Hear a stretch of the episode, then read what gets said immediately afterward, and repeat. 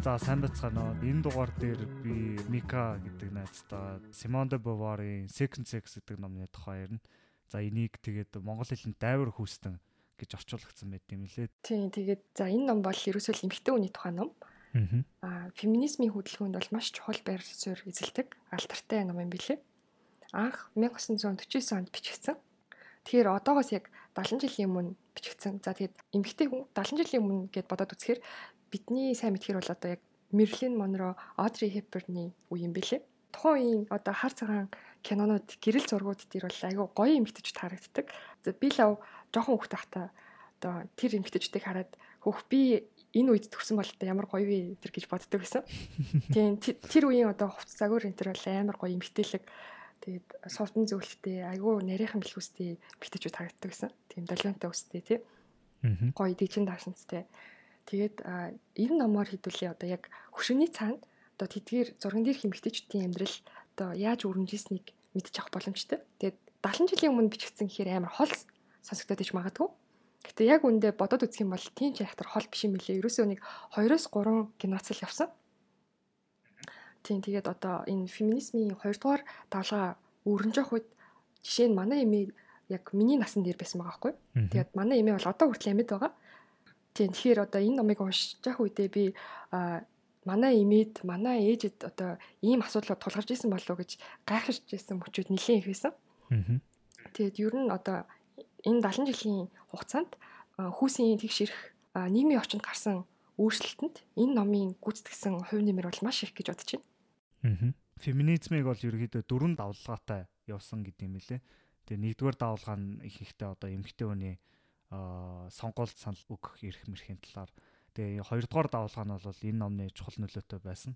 Энэ нь бол тэгээд эмэгтэй хүний нөхөн өрчгөн эрхийг илүү голсон. Тэгээд бас ер нь ажлын байрны талаар. Тэгээ гуравдугаар давалгаа нь ерөнхийдөө Me Too movement тэгээ LGBTQ юм уу identity политиктэй холбоотой гэдэг юм лээ. Тэгээ дөрөвдүгээр давалгаа байгаа эсхийг нь бол мэдгүй. Гэхдээ ер нь бол 3 дугаар давалгаагаа үргэлжлүүлээд явж байгаа. Гэхдээ арай өөр хэлбэртэй болсон гэж хэлдэг юм билээ. За тэгээд э, юу ч гэсэн э, зохиолчийнхаа талаар товчхон яриа. За зохиолч нь бол Simone de Beauvoir гэдэг одоо Францын философч ер нь айгу олон төрлийн ном бичсэн айгу лаг эмхтэй байдаг. Тэгээд э, энэ эмхтэй маань ер нь existentialist философч гэдгээр нэлээд алдартай баг. Тэгээ хүмүүс одоо Sartre, Camus, Merleau-Ponty зэрэг хүмүүстэй одоо эднэр маань ингээ Францын existentialistууд гээд тэр үедээ алдартай хүмүүс байсан. Тэгэхээр Сартротой бол нэлээ гүн холбоотой. Одоо Сартра энэ хоёр бол үерхдэг байсан. Гэхдээ хизээч юусоо гэрлээгүй. Гэхдээ айгуу тийм би энийхээ ажлыг бол байнга уншдаг. Айгуу их цагийг цуг өнгөрөөдөг.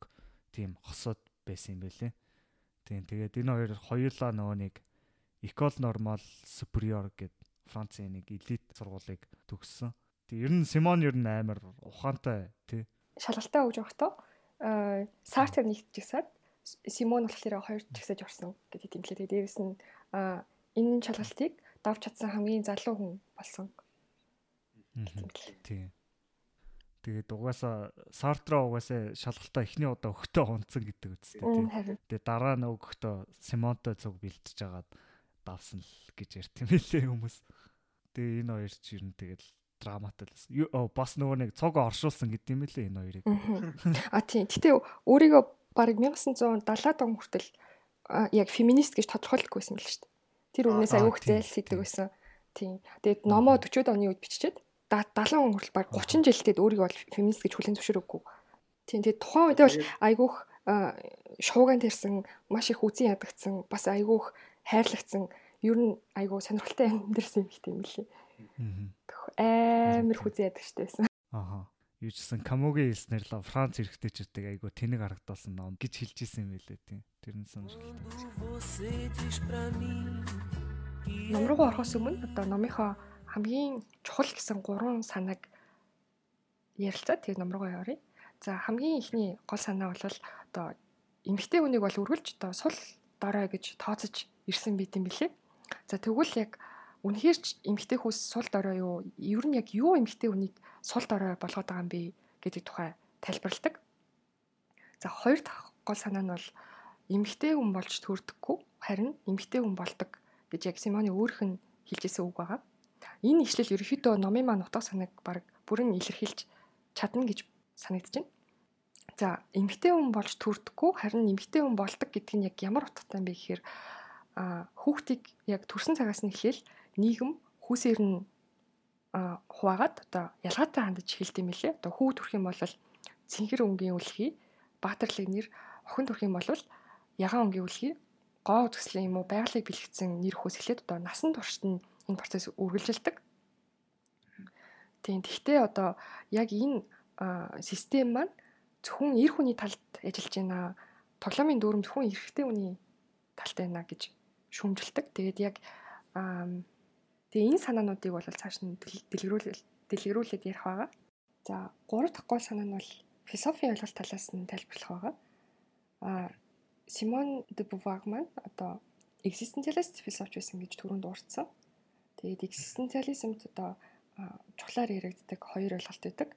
За нэг нь бол transcendent, нөгөөх нь immanent гэдэг ойлголт байгаа. Transcendent гэдэг нь одоо өөрөө өөрийгөө давах, хил хязгаарыг давах, одоо идэвхтэй байх гэсэн нэг тийм ялалтын утгатай тийм ойлголтыг хэлж байгаа. За, имманент нь бол яг эсрэгээрээ а өөр өөрийнхөө дотор байх, зураасны доор байх, идэхгүй байх гэсэн утгыг агуулдаг.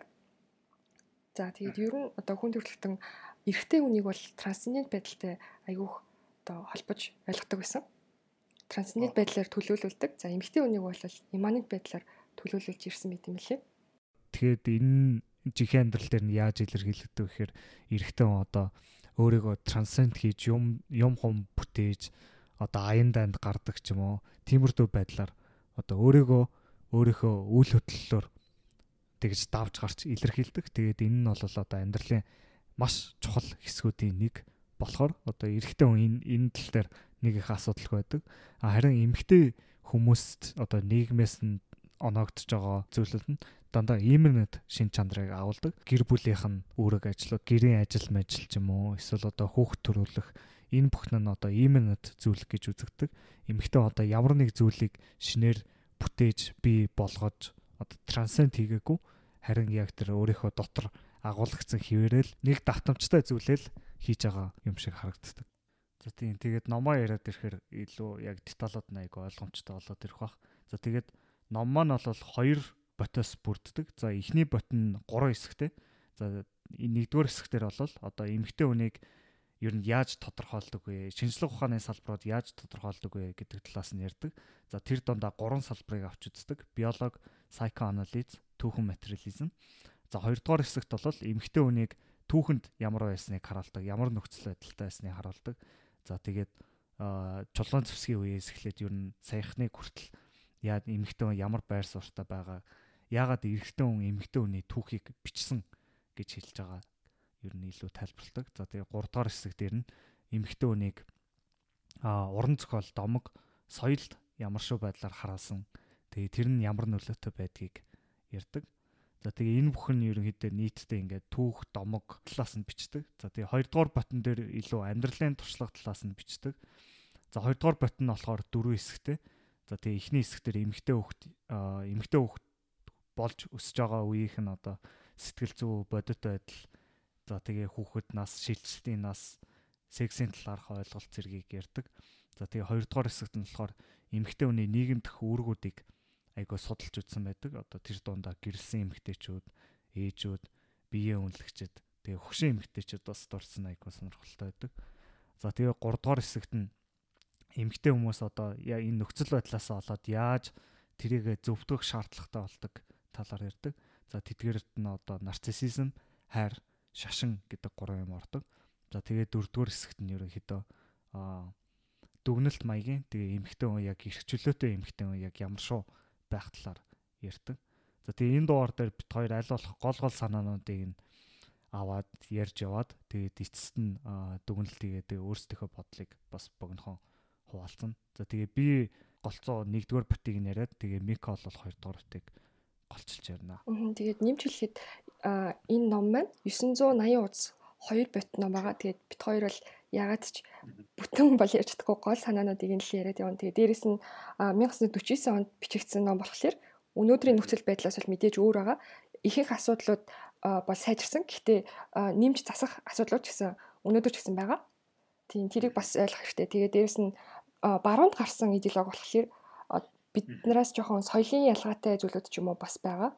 Тэг ер нь энэ номыг ер нь феминизмын талаар ч юм уу эмгтэй хүмүүсийн талаар зөрчилдөөнтэй controversial topic болохоор тэгээд нээлттэйгээр хүлээж аваарай гэж хүсье.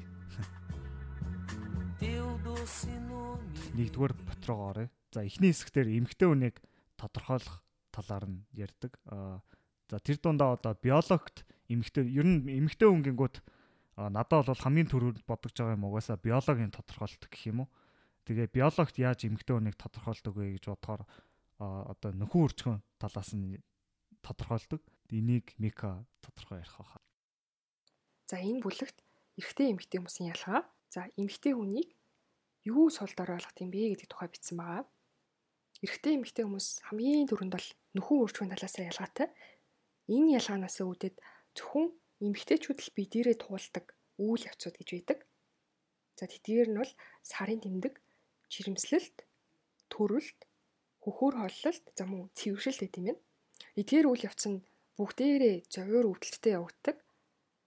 Заримдаа жирэмслэлт, төрөлтийн үед эмэгтэйчүүд амь насаач алдах магадлалтай тийм осолтой үйл явц байдаг. Шинжлэх ухаан сайн хөгжөөгүй байсан. За дээрэс нь одоо эцгийн эрэхт ёс ноёрхож исэн учраас эдгээр биологийн ялгаануудыг зөв тайлбарлаж чаддгүй байсан. Тэгээд одоо мухар сүсэг домгуудаар тайлбарладаг байсан юм байна.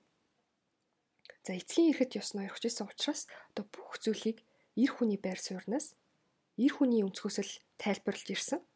Ийм учраас одоо эмгтээчүүдийг гадуурхсан, доромжилсан маягаар айгүй их тийм буруу ойлголт төөрөгдөлтөөр тайлбарлаж ирсэн мэт юм байна. Энэ тухай бол нэлээд их бичсэн байгаа. Ер нь одоо шинжлэх ухаан бол сүүлийн 4-500 жилэл хөгжсөн. Тэр дундаа биолог гэвэл одоо 19 дугаар зууны төгсгөл үе нөхөн үрчүүг бол бүр 20 дугаар зуунаас л тайлбарлаж чаддаг болсон. Тэгэхээр эцгийн хэрэгт ёс тогтсноос хойш гэвэл одоо 5000 жилийн турш ийм буруу ойлголт төөрөгдөл мухар сүсгээр одоо эмгтээчүүд хүүсүүдийн ялгаатай байдлыг тайлбарлаж ирсэн гэсэн үг. За тухайн үеийн хамгийн том төрөглүүдийн нэг бол нөхөн үрчхөд одоо эмгтэй хүн бол идэвхгүй оролцоотой гэж үздэг гэсэн юм байна. Зөвхөн одоо эцгийг л бүтээгч гэж үздэг. Эмгтэй хүн бол зөвхөн биеэ ашиглуулдаг, идэвхгүй матери өгдөг гэж ойлгодог байсан. Эцгээс ер нь бол тийм баг тийм бяцхан хүн ихийн хөвлөд нэвтэрч ордог. Тэгээ тэндээ зөвхөн хоолдог. Тэгж тэжээгдэж томроод хүүхэд төрдөг гэж итгэдэг байсан. Хүүхдтэйгээ бол бараг л одоо эмэгтэй хүн тийм ахтар холбоо байхгүй гэж үзчихсэн. За 1883 онд анх удаага микроскопоор үр тогтолтыг ажиглаж үзсэн. Тэр үед одоо үр тогтолтод 90 эмбэлхийс хоёулаа оролцдог гэдгийг нотолж чадсан. Гэхдээ 90 бэлхийс хурдан хөдөлгөөнтэй учраас трансцендент, үндгээс хөдөлгөөнгүй учраас имманент гэдэг утгаар хүүсийн тухай уламжлалт ойлголт хамгаалагцаар байсан. Орчин үеийн биологийн шинжилгээ ухаан бол маш нэрийн тайлбар өгч чадна. Одоо хүн 23 хос буюу нийт 46 хоромсомтой. Түүнийхээ яг талыг нь буюу 23-ыг нааваасаа 23-ыг нь ээжээс авч төрдөг байгаа. Тэгэхээр одоо эрэгтэй эмэгтэй ус маань аль аль нь одоо нөхөрчүүд идэвхтэй оролцоотой байгаа. За бас нэг буруу ойлголт гэх юм бол а англосаксчууд сарын тэмдгийг хараал гэж үздэг тэгж нэрлэлдэг байсан юм байна. Үнэн дээр эмэгтэй хүний бие бол одоо сар бүр хүүхэд болоход бие нь бэлэгддэг байгаа. За энэ үедээ гормоны өөрчлөлтүүд хүчтэй явагддаг. Тийм болохоор одоо бие дээр нь янз бүрийн зовиорууд илэрч идэг. Жишээ нь хөвлийн доод хэсгээр өвдөх, сэтгэл санаа тавгуурхах, хоолны дуршил нэмэгдэх, сэтгэл хөдлөмтгий эсвэл бүр уур уцаартай бухимдуу болдог байгаа. Эдгээр үйл явцыг тайлбарлаж мэдтгүй байсан учраас гаднах симптомыг нь хараад хараал хүрсэн гэж ойлгодог байсан байж магадгүй. За тэгээд эрэгтэй эмэгтэй хүмүүс бол ер нь биологоос гадна морфолог, физиологийн ялгаанууд бас байгаа. За эрэгтэй хүн эмэгтэй хүнээс дунджаар 15-аас 20%-аар илүү том биетэй байд юм байна. Мөн булчингийн хүч, булчингийн масаар хавьгүй илүү. Биеийн дээд хэсгийн булчин гэхэд л эмэгтэйчүүдээс 70%-аар илүү чадaltaй. За тэгээд нөхөн үржихүйг ер нь одоо зөвхөн хүмүүс төр гэлтгүү байгаль дээр бусад амьтад дээр одоо яаж явагддсан бэ гэдгийг нэлийн харьцуулж бичсэн байдаг. Тэгэд нэг сонирхолтой юм нь одоо доод хөгжилтэй зарим амьтдад ямар ч хамтрагчгүйгээр үржил нь явагддаг тийм үржлүүд байдаг. Одоо өөрөө өөртөө өөр тогтоож үрждэг. Эсвэл одоо биеийнхээ хэсгийг хэсэгчилж хуваагаад тэгж үрждэг үржлүүд идэг. Харин хүмүүс сүүн дижилтэн гэх мэт дээд хөгжилтэй амьтдын үржилд заавал хоёр хүүс оролцдог. Яагаад заавал хоёр хүүс оролцож байгаа юм? Ер нь яагаад ийм хоёр хүүс үүссэн бэ гэдгийг тухайн биологийн шинжилгээ ухаан тайлбарлаж чаддгүй байсан. За 1970-ад оны төгсөл үеэс л одоо тайлбарлаж чаддаг болсон юм байна. За зохиогчийн маань нэг онцлогыг хүссэн санаа байгаа. Тэр нь юу гэхээр одоо зарим амьтдын үр зулцаг бие даах гэж одоо айгүй хугацаа шаарддаг тийм амьтд бий тийм ээ. Ийм амьтдад бол эрэгчин амьтны туслалцаа бол заавал хэрэг болдог гэж үздэг. Яагаад гэвэл одоо үр зулцагтай болсны дараа эмгэгчин амьтны өмнө нь бий болгож исэн амьдрал нь бие тааж цаашаа үргэлжлэх боломжгүй болдог. Зулцаг удаан хугацаанд бие тааж чадахгүй байх гэдэг нь эцэг эхийн халамж одоо төдий чинийгээр хэрэгтэй гэсэн үг. Их амтан ан хийх эсвэл одоо хоол хайх үед зулцаг бие дагаагүй байгаа учраас ганцаараа аюулгүй байж чаддаггүй. Ийм учраас зулцгыг 9 минут насанд хүрэхийн тулд одоо заавал эргчийн амтны туслалцаа хэрэг болдог. Энэ нь хүмүүс төр бол бүр тод ажиглагддаг байгаа. Сүүн тэжилтнүүдээс ганцхан одоо хүний хүүхдэл бие даахад бүхэл 20 жилийг зарцуулдаг. Ийм болохоор одоо эр хүн эцэг хүнээс ихэнхдээ л одоо эмгтэй хүмүүс тусламж авдаг. Ийм тусламж авч байгаа учраас сул дорой гэж тооцогдох бас нэг шалтгаан болт юм байна. За ерөнхийдөө эмгтэй хүнийг сул дорой болгож харагдуулчихсан зүйлсийг багцлаад дахиад хэлэх юм бол нэгдүгээрт одоо эр хүн илүү том биетэй, илүү хүчтэй. За хоёрдугаарт эмгтэйчүүд хүүсийн ялгааг мухар сүсгээр тайлбарлаж ирсэн нэмээд одоо эцгийн иргэд ёс орхиж исэн учраас одоо бүх зүйл эр хүний нүдээр эр хүний байр сууриас тайлбарлагдчихсэн. Ийм учраас одоо эмгтээчүүд сул дорой гэж бодогдоход хүрдэг гэсэн. За 3 дугаарт гэх юм бол үр хүүхдээ 9 минут насанд хүрэхэд одоо эрэгтэй хүний тусламж заавал хэрэгтэй болдог. Энэ тусламжийг авч байгаа учраас эмэгтэй хүн сул дорой гэж тооцогддог байсан юм байна. Ерөнхийдөө биологоос үүдсэн ялгаа нь эмэгтэй хүнийг тодорхойлоход хангалтгүй нэмээд эдийн засаг ёс суртахууны үндслүүд хэрэгтэй гэж үзээд энэ бүлгээ төгсгсөн байгаа. За psychoanalysis-ийн талаас эмэгтэй хүнийг яаж тодорхойлдог талаар бавар бас ярьсан байдаг. За psychoanalysis-ингүүд ерөөхдөө Фройдын тухай ярьж байгаа. Тэр үед бол одоо Фройд, Юнг, Адлер зэрэг хүмүүс байсан. Гэхдээ Фройдыг айгүй голчилж ярина. За Фройдын psychoanalyst эрэгтэй хүнийг илүү голчилж ярьсан байдаг. Тэгээд Фройдын онол бол эрэгтэй хүн дээр суурилсан гэж хэлж болно. За тэгээд тэр дундаа одоо түүний сэтгц бэлгийн хөгжил буюу одоо psychosexual development-ийн одоо таван үе шатыг товчхон яриа. За энэ нь яадаг вэ гэхээр эхний үе шат нь бол ороод үе шат гэдэг. За ороод үе шатаар бол нялхуухт ингээд ихийнхээ хөхнөөс одоо бүх амин тижээлээ авдаг. Тэгээд ер нь амаараа бүх таашаалаа авдаг гэж үздэг. Тэгээд одоо соск моск өгдөг ч юм уу, хураага өгдөг ч юм уу. Ер нь бүх юм нь амаараа дамждаг гэдэг. За тэгээд дараагийн үе шат нь болол одоо аналстэй итгэждэг хүүхд баасаараа гадагшлуулж баах үедээ тэгэж таашаал авдаг гэж үздэг.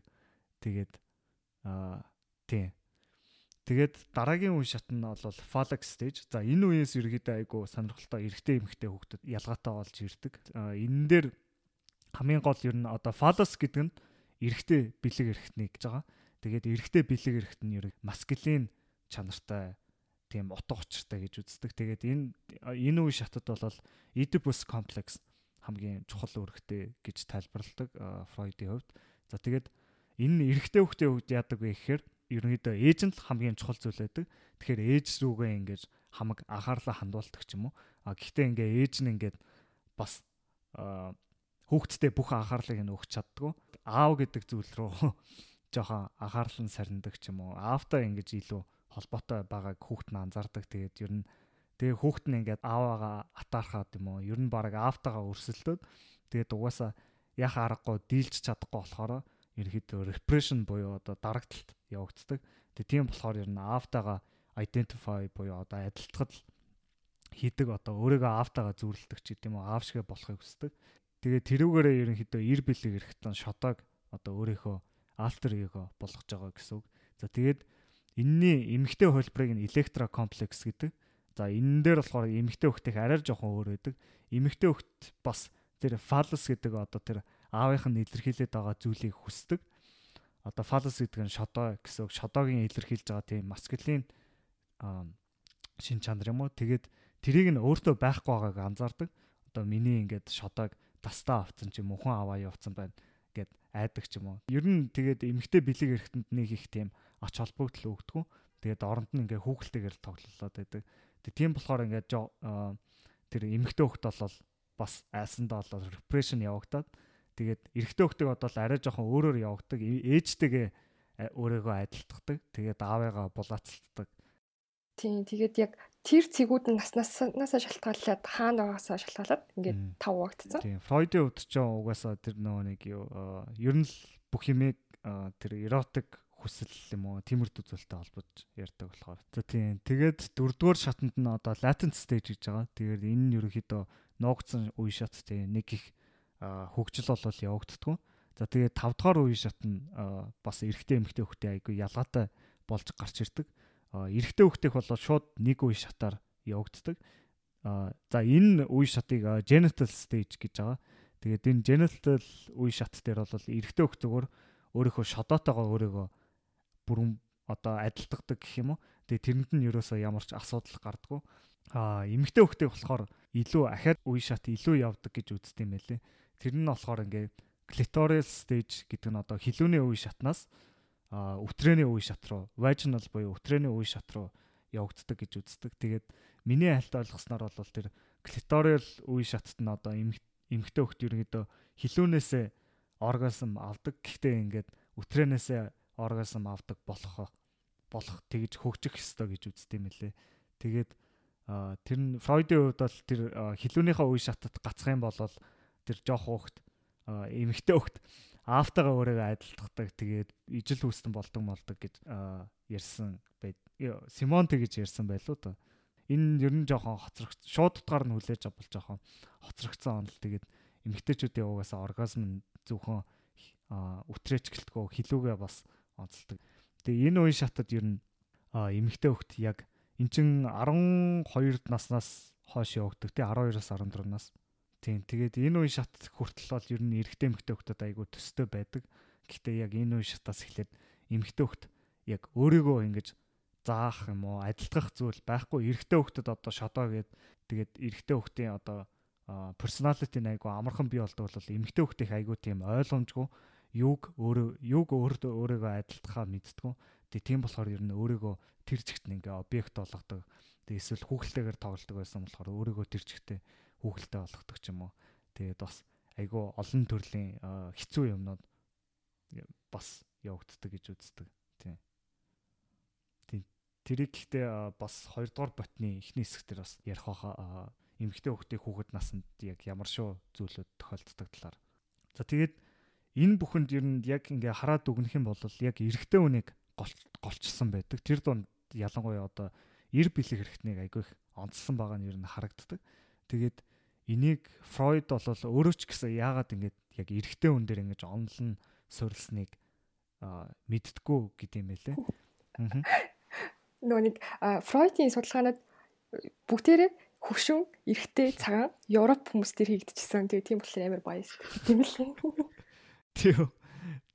Тийм тэгээд Сигмунд Фройдийн үед феминизм хүчээ аваагүйсэн шүү дээ. Бараг 2 дугаар талгаа эхлээс өмнө бараг 10 жилийн өмнө сурсан баха. 39 онд сурсан гэдэг баг. Тэгээд одоо эцгийн ихэт ясны нөлөө тухайд нэлээд байсан. Тэгээд нийгмийн гол дүр бол ерөөсөө эрэгтэй хүн байсан болохоор эрэгтэй хүн дээрээ суурилсан байж магадгүй.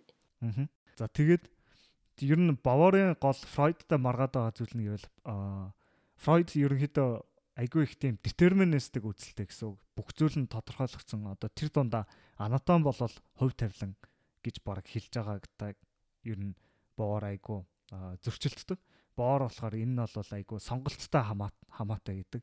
Тэгээд ер нь ингээд жоох хүүхдийг багаас нь байхад яагаад ингээд аав нь заавал тийм илүү тийм хүч чадалтай хамгийн гол фигюр тэгээд эмгтэй хүнийг яагаад ингээд тийм хувиргасан эрэгтэй хүн ч юм уу дутмаг эрэгтэй хүн гэж харж байгаа талаар ерөөсөө нэг их тайлбар байдгүй. Ялангуяа эр бэлэг эрэхтэй одоо дээр үеийн нийгэмд хараад байхад бол одоо эмгтээчүүдийн нийгэмд бол тэр шодоо бол ямар ч үн цэнэгүй байсан гэдэг юм л дээ. Тэгэхээр энэ бүхнийг одоо заавал түүхийнх нь тэр нөхцөл байдалтай холбож тэр үеийнх нь одоо ямар үнэт зүйлүүд нь илүү үнцэнтэй байгаа та холбож тайлбарлах нь зүйтэй гэж ерөнхийдөө гол маргат юм билээ.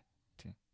Аа за гурав дахь харах өнцг нь бол түүхэн материализм буюу тэр дундаа энд Энгельс гэдэг хүний ажлыг авч үзсэн юм лээ. Тэгээд эмгтэн хүнийг тодорхойлж тодорхойлж байгаа зүйл нь ерөөсөө эдийн засагт оруулж байгаа хувь нэмэр байр сууриас нь хамааралтай гэж үздэг.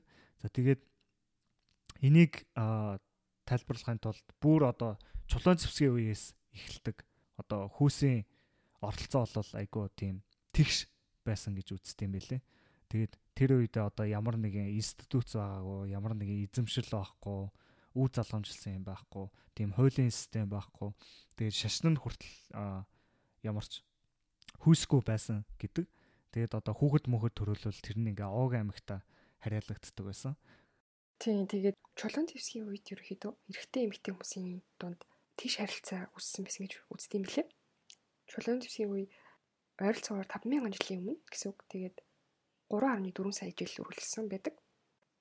За энэ 3.4 сая жилийн турш яагаад эрэгтэй эмэгтэй хүмүүсийн хооронд тийш харилцаа үүссэн бэ гэхээр эрхлэг аж ахуй нь одоо хин энд нь хийхэд нь айгүй тохиромжтой байсан. Тэр үед ерөөхдөө нөгөө анчин дүүрчин амьдралтай байсан юм лээ. Ирчүүд нь анд явдаг, эмэгтэйчүүд нь жимс самартуудаг. Тэгээд одоо жижиг гар урлууд хийдэг гэсэн. Тэгээд ерөөхдөө байгаль дээр байгаа одоо бэлэн юмар хоолчдаг гэсэн учраас ямар ч эдийн засаг а мөнгө төгрөгийн харилцаа бол үүсээгүй, хувийн өмч үүсээгүй байсан. Харин хөрөл зэвсгийн үеэс эхлээд одоо анх удаага хувийн өмч, математик, мөнгө, эдийн засаг, хот суурин гэдэг ерөөхдөө айгүй хөрсөлтөд гарч эхэлсэн. Ганц феминизм биш ер нь бол хүний нийгэмдэр ч гэдэг өөрчлөгдсөн юм билээ. Тэгээд одоо өмнө нь хин өөрийн гэсэн тийм гүйцэтгэх үүрэг ролтой байсан бол одоо хүрэл зэвсгийн үеэс эхлээд газар тариалан аягүй хөгжсөн. Тэгээд газар тариал нь ерөөхдөө эрэгтэй хүний үүрэг аягүй чухал гэдэг. Тэр үед ерөөхдөө нөгөө нэг анчсаар газар хагалдаг байсан. Тэгээд эмэгтэй хүний болчингийн хүч бол ерөөсөө тэрэнд нь хүртгүү эрэгтэй хүн чинь одоо эмэгтэй хүнээс 70%-аар илүү чадaltaй байт юм блэ. Тэгээ тийм учраас эрчүүд л яг энэ салбарт хамгийн чухал үүрэгтэй хүмүүс байсан. Тэгээ өнөөдөр жишээ нь технологийн салбар одоо хамгийн чухал салбар хахад одоо тухайн үед газар тариалал л хамгийн чухал салбар нэсэн. Тэгээд өмнө нь ерөөхдөө тэр байгаль тэр байдаг бэлэн юм шууд аваад идчихдэг байсан бол одоо газар тариалан эрхлээд өөрийнхөө хоолыг өөрөө тарьж иддэг болсон. Ийм учраас одоо хувийн өмч үүсч эхэлсэн юм лээ. Одоо тэр тарьсан тариа ногоогоо өөрөө ачлах хэрэгтэй болдог.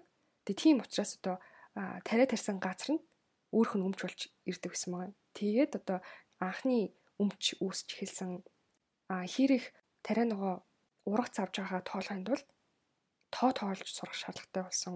За тэгээд хоорондоо бас жоохон жоохон одоо бараа бүтээгдэхүүн солилцож эхэлснээр одоо бартер мөнгөний систем гэд үүссэн юм билээ. Тэгэд яг энэ бүх үйл ажиллагаан дээр ерөөхдөө л дандаа эр хүний үйл ажиллагаа их оролцдог байсан. Тийм учраас илүү их эрх мэдэл хүч чадлыг олж авсан. За ингээд одоо эхэлж байгаа гол аж ахуйд нь эрэгтэй хүн л хамгийн чухал гэсэн учраас одоо нийгэмд эрэгтэй хүн л хамгийн одоо гол гишүүн болсон. Тийм учраас эцгийн эрхэж ёс руу ингээд хүрэл зэвсгийн үеэс эхлэж хэлсэн.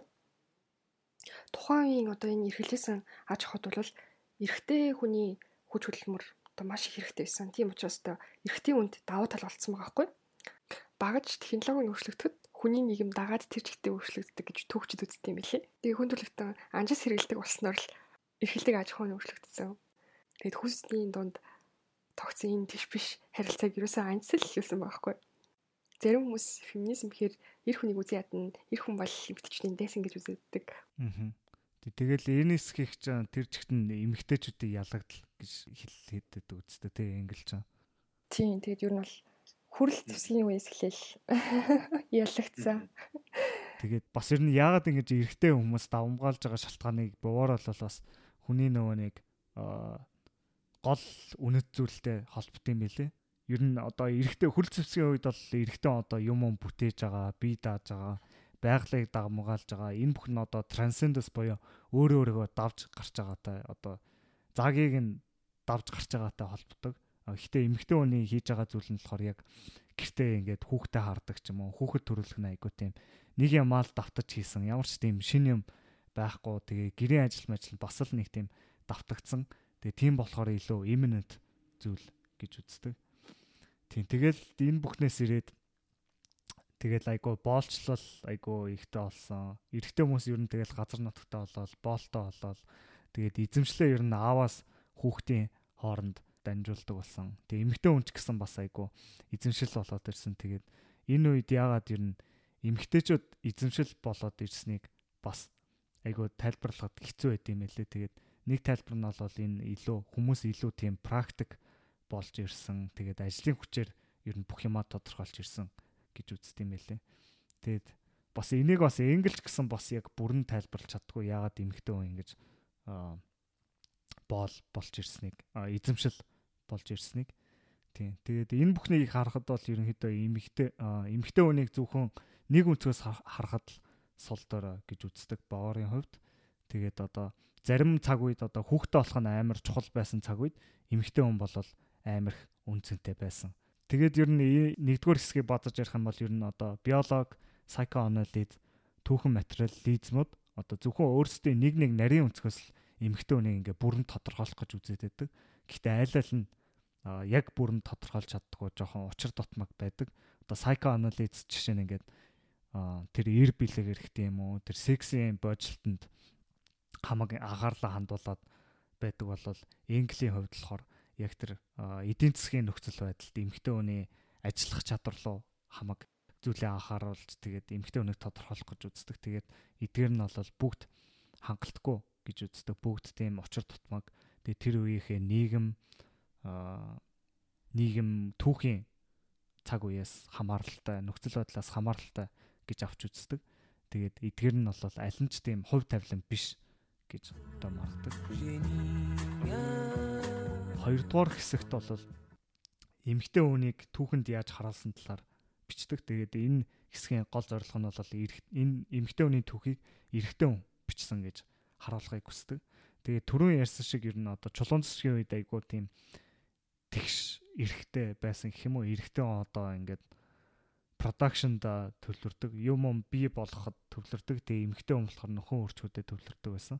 Тэр нөгөө нэг газар тариалан эрхлэхийн тулд айгүй их олон хүн хүч хэрэгтэй тийм болохоор одоо хүүхдүүд маш их хэрэгтэй байдаг. Тэгээд тэгээд ер нь эмхтэй хүнийг нөхөн өөрчгүүдэд айгүй холбдог.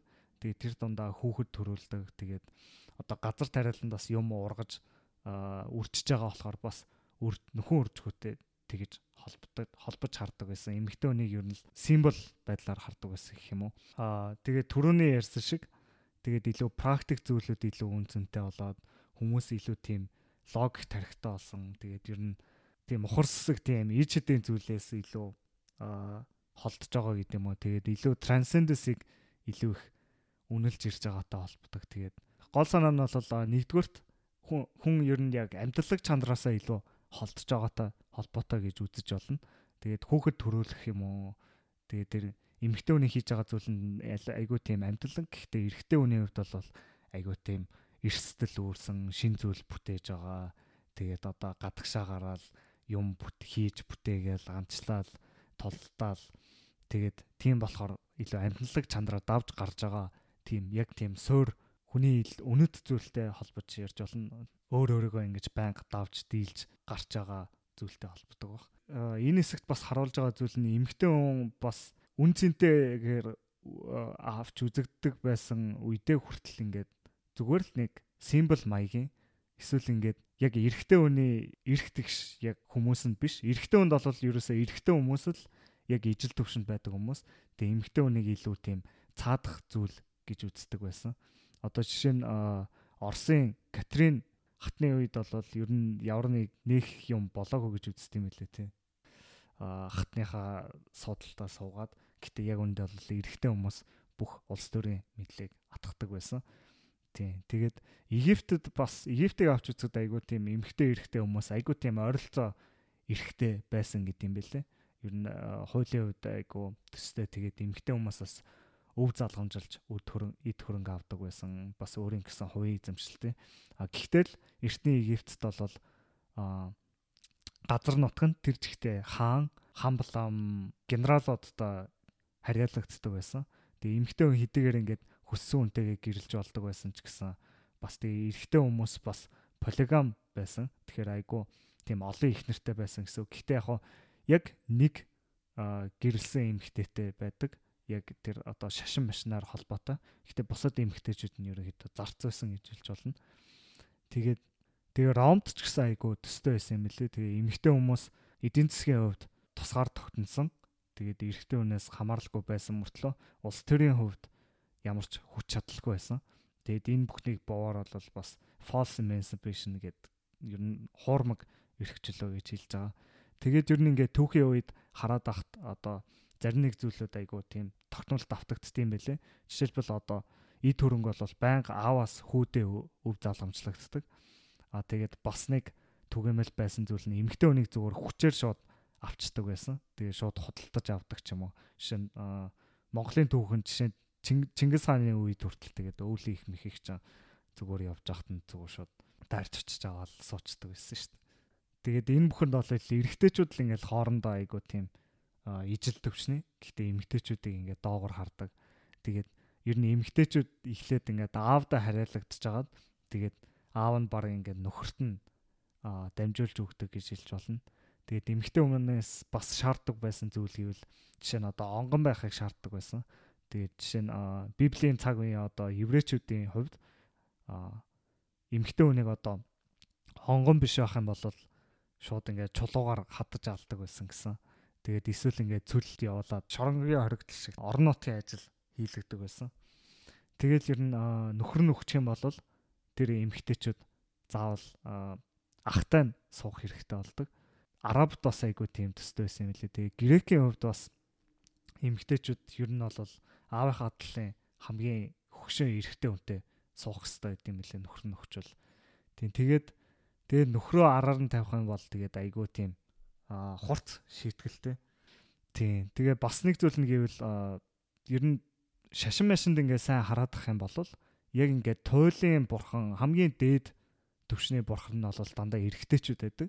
Тэгээд энийг дээр үеийн олон нийгмүүдээс харж болно. Одоо Египтэд жишээ нь яг хоо эмхтэй бурхан байдаг. Тэр нь гэхдээ түрүү ярьсан шиг тийм нөхөн өөрчгөө аа тийм тлийн бурхан байдаг юмыг үржүүлдэг ч юм уу. А гэхдээ яг туйлын бурхан нь бол тэр нарны бурхан Ра гэдэг юм лээ. Тэгээд Вавилоны үед бас айгүй төстэй байд юм лээ. Тэр Иштар гэдэг нь бас яг тийм нөхөн өөрчгөн бурхан. Деважингийн хата хаан гэдэг бол Бил Мардок гэдэг нь яг гол бурхан байдаг. За тэгээд Зевс бол бас Диметр гэдэг эмэгтэй бурхныхаа дээр нь байдаг. Аа Зевстэй төстөөр одоо Ромын Жупитер гэдэг бурхан байдаг. Ер нь дандаа эрэхтэй. Тэгээд Есүс Есүс ч гэсэн эрэхтэй. Ер нь ингээ бүх шишин дандаа яг хамгийн том бурхан эрэхтэй байж тардаг. Тэгээ бас нэг дүгнэлт зүйл гэвэл эмэгтэй хүн ер нь дандаа тийм зарцуул байдаг нь айгу ойлгомжтой байдаг. Гэхдээ энэ айгу янз бүр байдаг. Грекийн Демостын жишээ нь одоо гурван төрлийн үйлчлсэн байдлаар дүрсэлдэг. Тэгээд энэ нь бол эхнийх нь бол гитара хүм эмгтээчүүд тим хүмүүс тим эмгтээчүүдийг бол ерөнхийдөө тийм сүнслэг таашаалтаа ашигладаг гэж үздэг юм ээ. Тэгээд эдгээр нь бол одоо гейшэ маягийн яруу найрагтай холбоотой арай жоохон үнэтэй бие үнэлэгч маягийн гэж хэлж болно. Тэгээд энийг хоёрдугаар хэсэгт илүү ярина. Тэгээ хоёр дахь нь бол нэг төрлийн зарцснууд гэхдээ бас биеийн таашаалыг нь хангадаг гэх юм уу одоо сексийн хэрэгцээг нь хангадаг. За тэгээ гурав дахь нь бол зүгээр яг хүүхэд төрүүлж өгдөг юм ихтэйгээд ийм гурван өргөөр бол лиг тодруулсан байдаг. Тэгэл ер нь шашнууд эмгтэй хүнийг айгу тийм доогор байдлаар харуулсан айгу тодорхой байдаг. Коронт жишээ нь одоо эрэгтэй хүнийг шууд эмгтэй хүнээс дээгүр заяасан маяасан гэж хэлдэг. Тэгээд өнөөдрийн нэг юм ч гэсэн ер нь исламын шашинд одоо эмгтэй хүмүүс ер нь зарц шиг байдаг. Тэгээд христэн шишин ч гэсэн бас эмгтэй хүнийг эрэгтэй хүнээс доогор үздэг. Тэр ихтэй 3 дугаар хэсэгт ярина. За тийм. Тэгээд ер нь түүхийн үед хараад ахт иймэрдүү зүйлүүд айгүй голцолтой юм билэ. Тэгээд яг хоо саяхны үе хүртэлхийг харьцуулах юм бол Италийн сэргэн мандалтын үеийг авч үзэх юм бол эмгтэй хүмүүс арай нэг жоохон эрх чөлөөтэй болж ирсэн гэдэг юм билээ. Жишээлбэл өөрсдийн гэсэн үйл ажиллагаануудыг бий болж зохион байгуулдаг. Тэгээд урлаг, уран зохиолтой илүү холбогдолтой болдог. Тэгээд өөрсдийн гэсэн салонтой болж ирсэн гэж үздэг юм билээ. А тэгсэн ч гэсэн улс төрийн хувьд ямар ч хүч чадлаггүй нөлөөгүй байсан гэж үздэг. Тэгээд одоо Францын зохиолч а тэр Олимпиад гүйс гинөө. Ер нь Францын хэдэн эмэгтэйчүүд улс төрд орох гэж нэлээд үзсэн. Гэхдээ бүгд тэгээд айгүй тийм их үзэн ядалт уур хилэнтэй тулгарсан гэж хэлж болно. Тэр үеийг улс төрийн мэдлэг атгадаг байсан хүмүүс эмгтээчүүд хизээ ингэдэг болцсон бэ гэж ер нь хэлжсэн юм бэлээ. Ер нь эмгтээчүүд дээд зэргийн тушаал авахын тулд заавал эрэгтэй хүмүүсээр дамжиж тийм үү дээд зэрэгт хүрдгийг бас харуулдаг. Тэгээд эмгтээ хүн яг ингээ гэр бүлтэйгээ айгүй их нэгт холбоотой байдгийг боор айгүй дурдсан байдаг. Тэгээ эмэгтэй хүмүүс хоорондоо нийлэхтэй хүртэл ингээд эрэгтэйчүүдээрээ дамжуулж нийлдэг. Тэгээд Францын хувьсгалын үед бол бас бас л эрэгтэйчүүд л ер нь удирж байгаа хിവэр байдаг. Тэгээд гэхдээ энэ үед бас голцоо нийгмийн давхаргыг бас айгу тодтогч өгсөн юм байдэ байлээ. Тэгээд эмэгтэй хүмүүс бол ерөнхийдөө ажилчаа ангитай төстэй. Тэгээд бүүжва хүмүүс нь ерөнхийдөө тийм ажилчаа ангиад дарлаж байгаа та ер нь бол зүрлдэг. Тэгээд энэ үеэр бас эмгтэй хүнд бас ажил олоход айгүй хэцүү. Тэгээд эрэгтэй хүнтэй яг ижлэгэн ажил хийж байгаа мөртлөө хагас цалинг нь олдог байсан. За тэгээд энэ нь бол бас Америкт бас байсан юм байлээ. Францч гэлтгүй ер нь иймэрдүү нөхцөл байдал. Тэгээд эрэгтэй хүмүүс бас ажлаа алдгаараа айгу ууралдаг, дургуутсдаг эмэгтэй хүмүүс ажлын болоогаад байна гэд. Тэгээд тэгсэн ч гэсэн бас эмэгтэй бас л нөхөн өрчгөн талын одоо үүрэг үйл үүрэгтэй баригдсан байдаг. Тэг ямар ч тийм ажиллах боломж бол нэг их байхгүй. Тэгээ дээр нь тэр үед бас үр хөндүүлэх хуулиар зөвшөөрөгдөөгүй байсан. Энэ бас христийн моралтай холбоотой баг. Аборшн нь бол 1975 онд хуулиар зөвшөөрөгдсөн юм билээ.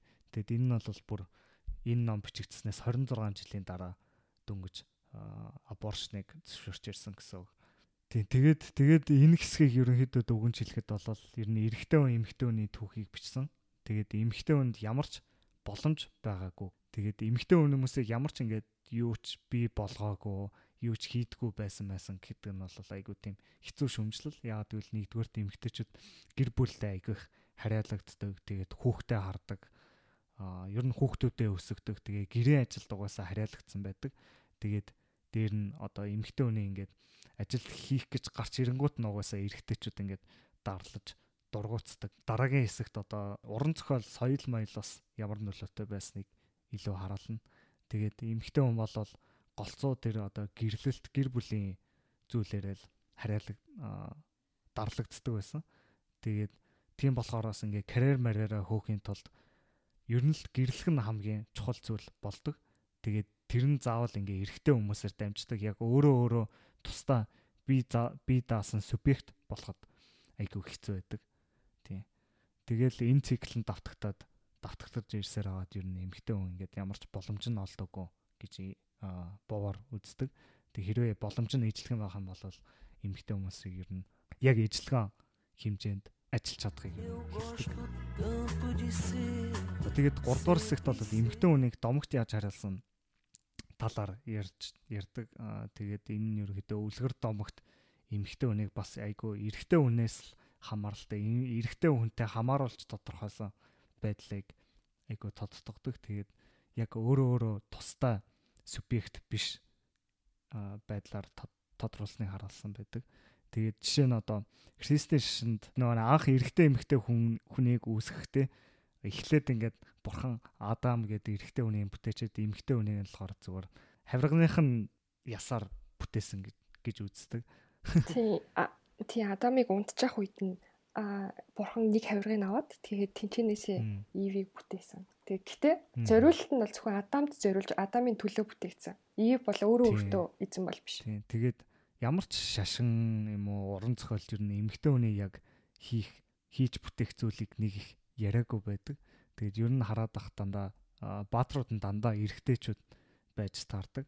Тэгээд эмгтэй хүний ингээд үлгэр домогт хараалсан байдлыг хараад ахаар а ер нь голцоо ингээд дэлхийн ээжтэй зүрлдэг гэх юм уу. Тэгээд тэр нь ингээд бас нөхөр төрөө ярьсан шиг нөхөн өржихөө ингээд их үүсвэр тэгсэн мөртлөө ингээд бас харгуу талуудыг нь айгүй их зүрлдэг. Жишээ нь одоо ингээд nature байгаль дэлхийтэй зүрлэхээр ингээд байгаль дэлхий чинь тэр жигтэй ингээд үхэл амьдрал ингээд хосолж явж байгаа болохоор тийм циклийг хараалсан байдаг. Тэгээд бас тийм байгаль дэлхийн одоо ойлгомжгүй тийм харахгүй зүйл гэдэг талаас нь ч бас ярьсан байдаг. Тэгэд ингээд ер нь түүхэнд ингээд хараад ахт бацх юм бол эмгтэй хүний түүхүүд айгүй тийм зөрчилдөөнтэй нэг болол түрүү ингээд Адамын яснаас ингээд Ивиг эрэгтэй хүнд бүтээсэн гэдэг. Тэгээд нэг болол ингээд эмгтэй хүнийг онгон мэрэлтэй зүрлдэг. Нэг болол ингээд дэлхийн ээж, амьдралын их үүсвэр, нөхөн урчхөө, байгаль дэлхий тэгснэ ингээд харахуудлыг нь яриад ирэнгүүт шулан болом гэж ярьдаг ч юм уу. Тэгээд тэгээд бас хүнийг айгүй тийм ховж ив ярьсан эсвэл нэг бол ийд шидийн юм шиг ер нь айгу тийм төвөгтэй гэдэг. Тэгээд Киркегард энэ дээр хүртэл ер нь эмгтэй хүн байна гэдэг нь ойлгомжгүй айгүй олон зөрчилдөөнтэй зүйлийг зэрэг илэрхийлсэн байдаг болохоор эмгтэй хүнд хэцүү байдаг байх гэж хэлсэн байдаг. Тэгэд эмгтэй хүний одоо бэлэгдлийн чанартай авч үздэг зүйлүүдийнх нь хувьд гэх юм бол одоо жишээлбэл эмгтэй хүний сарын тэмдгийнхэн цусыг Египтэд жишээ нь шүтдэг байсан юм билэ. Тэгсэн мөртлөө бас ингээд ногоо тарианых нь үржлийг зогсоох боломжтой тийм хор морч гэж бас хардаг байсан юм билэ. Тэгсэн мөртлөө бас дав одоо дав маав нэмэгтэй хүний сарын тэмдэгний цэстэ олчвал тэрийг нэгээд бэлэг тэмдэгийн байдлаар дээдэлж явдаг байсан юм лээ. За тэгээ дээр нь эмэгтэй хүний онгонг бас айгу а сонио авч үзт юм лээ. Одоо заримдаа ингээд тэрнээс нь айгу их айдаг гэх юм уу? Ер нь эмэгтэй хүнийг ер нь цус мустай зүрлж айгу их айдаг. Тэгээд одоо тэр Тийм болохоор одоо зарим эмгтээчүүдийг авч суухахаа өмнө а хурмынхаа өмнө тэр онгоныг нь цоолдог байсан бэлээ. Тэгсэн мөртлөө бас ингээ эмгтээ хүнийг бас онгоноор нь авахыг хүсдэг гэд энэ бас ер нь айгуу тийм зөрчилдөөнтэй хүсэл гэж үздэг юм бэлээ. Тэгээд тэгсэн мөртлөө бас эмгтээ хүнийг гол уран зориг гэж үздэг. Тэр дундаа урлагт жишээ нь эмгтээ хүнийг айгуу тийм mysterious нууцлаг гэж үздэг. Тэгээ эмгтэй хүнийг muse болгож үздэг. Тэгээд тэгээ тийм болохоор эмгтэй хүмүүс өөрсдөө яг юм бий болгодгоо. Зүгээр л эмгтэй хүмүүс одоо урам зориг болж ирдэг. Эмгтэй хүмүүсээр дамжуулж юмыг бий болгодог гэж хардаг. Тэгээд ер нь энэтэй холбоотойгоор эмгт эрэгтэй хүн бас эмгтэй хүнд ингээд өөрийгөө өөрийнхөө бүх зүйлийг тусгадаг гэх юм уу. Тэгээд эмгтэй хүн ерөнхийдөө өөрийг нь харуулсан тийм айгуу тийм сайн эмгтэй байх хэвээр одоо ориентал хүмүүст бол эмгтээчүүд амар тийм тарган байхыг дээдэлдэг байсан юм билэ. Тэр нь одоо ингээд сайн хооллогдсон эмгтээ болохоор тийм ер нь өөрийнх нь эзэнт нь илүү тийм хүндлэл авчирдаг гэх юм уу. Тэгээ исламын шашинд бол айгүй олон тооны их нэртэй байх нь одоо эд баялагийг нь харуулдаг. За тэгээд ер нь бужва хүмүүсийн хувьд бол одоо ихнэр нь одоо тийм гоо үзэсгэлэнтэй элегант ухаантай тэгээ тийм болохоор бас ингээд тийм бай тийм харагдах нь айгу бас эрэгтэй хүнийг илүү тийм дээд түвшний гэж харуулж чаддаг. Тэгээ тийм болохоор тийм эмэгтэйчүүд одоо янз бүрийн үнэтэй итлэл эсвэл тийм одоо булга шөв мүбэр өөрсдөө болдог байсан. Тэг тэгээд ер нь эмэгтэй хүмүүс нь дандаа эрэгтэй хүнийг л харуулах гол зорилго нь гэх юм уу. Тэгээд тэгсэн мөртлөө бас эмэгтэй хүнийг нэг болохоор зүгээр зарц марч шиг ингээл өдөр тутмын нэг тийм а уйтгартай зүйл эсвэл нэг тийм эмгтэй он жоохон ухаа муутай ч юм уу айгуу тийм дундаж байдлыг бас харуулсан байдаг. Тэгээ энэ бүхний юу н айгуу зөрчлөөтэй яг эмгтэй хүн гэж яг юу хэлээд байгааг нь мэдэхгүй. Нэг бол зарцч юм шиг, нэг бол сахиулсан тэнгэрч юм шиг айгуу ойлгомжчгүй байдаг. Тэгээд эмгтэй хүний харах худлыг нь харуулахаараа бас айгуу тийм ойлгомжгүй байдаг. Эмгтэй хүнийг бас вампирч гэж үздэг ч юм уу, ямар нэгэн цос мос ордог. Ер нь эрэгтэй хүний ингээд бүх тэр амин зүйлийг нь сорж авдаг зүйл гэж харах ч үе байна. Тэгээ эмгтэй хүнийг айгу нүгэлтэй гэж үздэг. Христэн шиш машин. Ер нь тэгээд нүгэлтэй юм бол эмгтэй хүнд буруутгадаг ч юм уу. Тэгээд тийм болохоор ер нь эмгтэй хүнийг айгу тийм хоёрдмал талтай гэж харуулдаг. Тэгээд эрэгтэй хүний бүх хүсэж байгаа зүйл нь байгаа мөртлөө эрэгтэй хүний бүх хүсдэггүй зүйл нь байдаг гэж харуулдаг. Тэгээд бүх хайртай зүйл нь байдаг, бүх үзэн яддаг зүйл байдаг. Тэгээд эрэгтэй хүний өөр өөрийнхөө тусгсан тийм зүйл гэж үздэг. Тэгээд энэ хэсэгт бас юу таван зохиолчийн талаар ярьд юм билээ. Тэгээд энэ тавыг гэлс товчхон дурдж чинь. За эхний зохиолч нь бол Motherland гэдэг зохиолч. Энэ нь одоо түрүүний хэлсэн шиг эрэгтэй хүн болол ингэж тэнгэрт трансценд хийдэг. А ихтэй эмэгтэй хүн ингээ бүр газар доор шигддэг гэж зүрлсэн гэсэн. Тэгэхээр эмэгтэй хүний энэ жоохон шуламлаг чанарыг нь чанарыг нь илүү харуулсан гэсэн. Тэгээд эмэгтэй хөхт бол одоо хүүхдийн далавчийн тасдаг ч юм уу эсвэл ингээд юмыг заавал солд ороо болгохыг хүсдэг.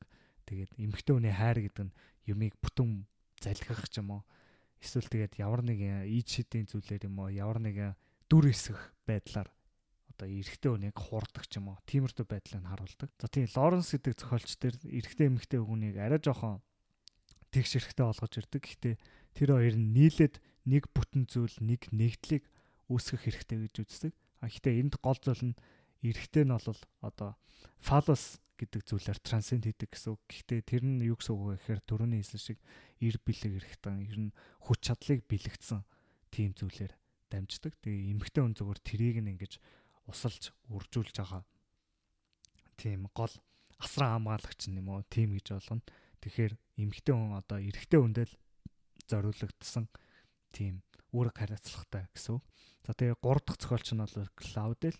За Клаудел нь Лоренстой ерөнхийдөө төстэй түрүүнийх шиг а эрэгтэй эмэгтэй хүмүүс нь бас ер нь бие биендээ эмэгтэй нэг эрэгтэй хүндээ зориулагдсан. А гэхдээ энэ нь хоёулаа бурхан руу чиглэсэн бурхан руу трансценд хийсэн гэж үздэг. Тэгээд энэ дээр бол эрэгтэй хүмүүс эрэгтэй хүн одоо сэлмээр байлдаад юм юм бүтээгээд цайз барьдаг ч юм уу. Аян данд явдаг. Гэхдээ эмэгтэй хүн бол ер нь эрэгтэй хүндээ үнэнч тэгэж бас эрэгтэй хүнд бүх юма зориулахыг шаарддаг. А гэхдээ энэ эр бэлэг эрэхтэй гэхээс илүү шашинтай холбоотой ингээд хоёулаа бурханд өөрсдөө зориулж байгааг хэлбэрнэ гэж хэлж болно.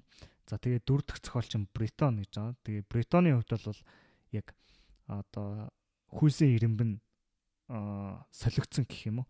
Тийм болохоор эмэгтэй хүнийг бүр яг хамгийн чухал зүйл гэж үздэг. Эмэгтэй хүн бол энэ хороогийн хамгийн гоо сайхан тэгээд хамгийн бүх тайван бүх зүйлийг илтгэдэг. Эмэгтэй хүн энэ бүхнийг одоо байгаль дэлхий дээр гаргаж өгдөг. Тэгэхээр эмэгтэй хүнээр дамжуулж тэр цаадах зүйлд хүрдэг гэж үздэг. Тэгээд нэг хэсэндээ эмэгтэй хүн эрэгтэй хүнээс илүү. А гэхдээ тэгсэн мөртлөө эмэгтэй хүнийг яг өөр өөрийнхөө хувьд субъект гэж үздэг. Эмэгтэй хүн өөрөө өөртөө биш бусад бүх зүйл өөрөөсөө бусад бүх зүйлд зориулагдсан гэж хэлж байгаа гэж болно. Нэг ясны одоо альтруистик энэрнгүү үзэл маягийн ч юм уу. Тэгээд эмэгтэй хүнээр л дамжуулж тэр үнэн гоо үзэсгэлэн уран сайханд хүрдэг гэсэн үг. За тэгээд тав дахь зохиолч нь бол яг хайрыг илүү голчилдог. Энэ нь бас эрэгтэй эмэгтэй яг ижлэхэн гэж үздэг. Тэгээ боврын нэг таалагддаг зүйл нь энэ зохиолч маань илүү тийм домгийн зүйлийг байхгүй болгосон, илүү тийм газарт болгосон. Тэгээ эрэгтэй эмэгтэй хүн бие биенээ хайраар дамжуулж одоо одоо орчлоо хорвоотой нийтдэг гэх юм уу. Тэгээд эмэгтэй хүн бол ийм дэлхийн ээж ч юм уу домгийн зүйл биш зүгээр л хүн гэж харуулдаг. Тэгээд хүний бодит байдал гэсэн зүйл хангалттай гэж хэлдэг. Тэгээд энэ нь хамгийн гол нь яг хайраар л дамжуулж эрэгтэй эмэгтэй хүн хоёр ингээ бие биенээ хэ оршихуг зүвтгдэг гэж хэлдэг юм байна. Аа ер нь энэ ингээ үлгэр домуудыг бүгдийг ажиглаад ах юм бол эмэгтэй хүнийг хизээч өөр өөрийнх нь хувьд тодорхойлоогүй дандаа эрэгтэй хүнд дамжуулж тодорхойлсон. Тэгээд одоо сүүлийн тэр Стендал гэдэг зохиолчийн хувьд ч гэсэн эмэгтэй хүн яг тэгш байгаа боловч эрэгтэй эмэгтэй хоорондоо ингээ нэгт хамааралтай байдлаар тодорхойлцсон байдаг. Тэгээд ер нь өрөлгөр томгондод иймэрдүү байдлаар илтгэсэн байдаг болохоор эмэгтэй хүний хязгаарч ингэж өөр өөрийнх нь хувьд өөр өөрийнхөө одоо зорилгын төлөө явж байгаагаар дүүрсэлдэггүй. Тэгээд энэ бүх нь бас өдөр тутмын амьдралд нөлөөлдөг гэж үздэг. За баварын хувьд бол тэгээд тэгээ энэ бүхэнд бол ер нь эмэгтэй хүний хувьд абсолют үнэн гэж байхгүй. Тэр эмэгтэй хүний дотор хайгаад байгаа тэр үнэн гэдэг зүйл ч угаасаа байхгүй. Тэгээд баварч existentialist болохоор existence precedes essence гэдэг тэр нь тэгэхээр юу гэсэн үг вэ гэхээр хүний гол мөн чанар нь оршуугаас урддаг гэсэн. Тэгэхээр тэр эмэгтэй хүнд одоо тийм бурхнаас заяасан тийм дэлхийн ээжийн тийм гол мөн чанар ч юм уу тиймэрдүү зүйлийг эмэгтэй хүнд төрхөөс нь өмнө заяасан гэсэн үг биш. Тэгээд бас нэг эсэргүүцэж байгаа зүйл нь ер нь л хүн болгоо айгуу тийм нууцлаг байдаг. Зөвхөн эмгтэй үнийг л ингээл нууцлаг маслаг гэд ер нь нууцлаг ойлгомжгүй юм болол эмгтэй хүн рүү чигтгэх нь бас буруу гэж үздэг. Тэгээ яг үндэ хүн болгол тийм ойлгомжгүй ер нь эрэгтэй үнч гэсэн тийм энгийн ойлгоход амархан биш гэж үздэг.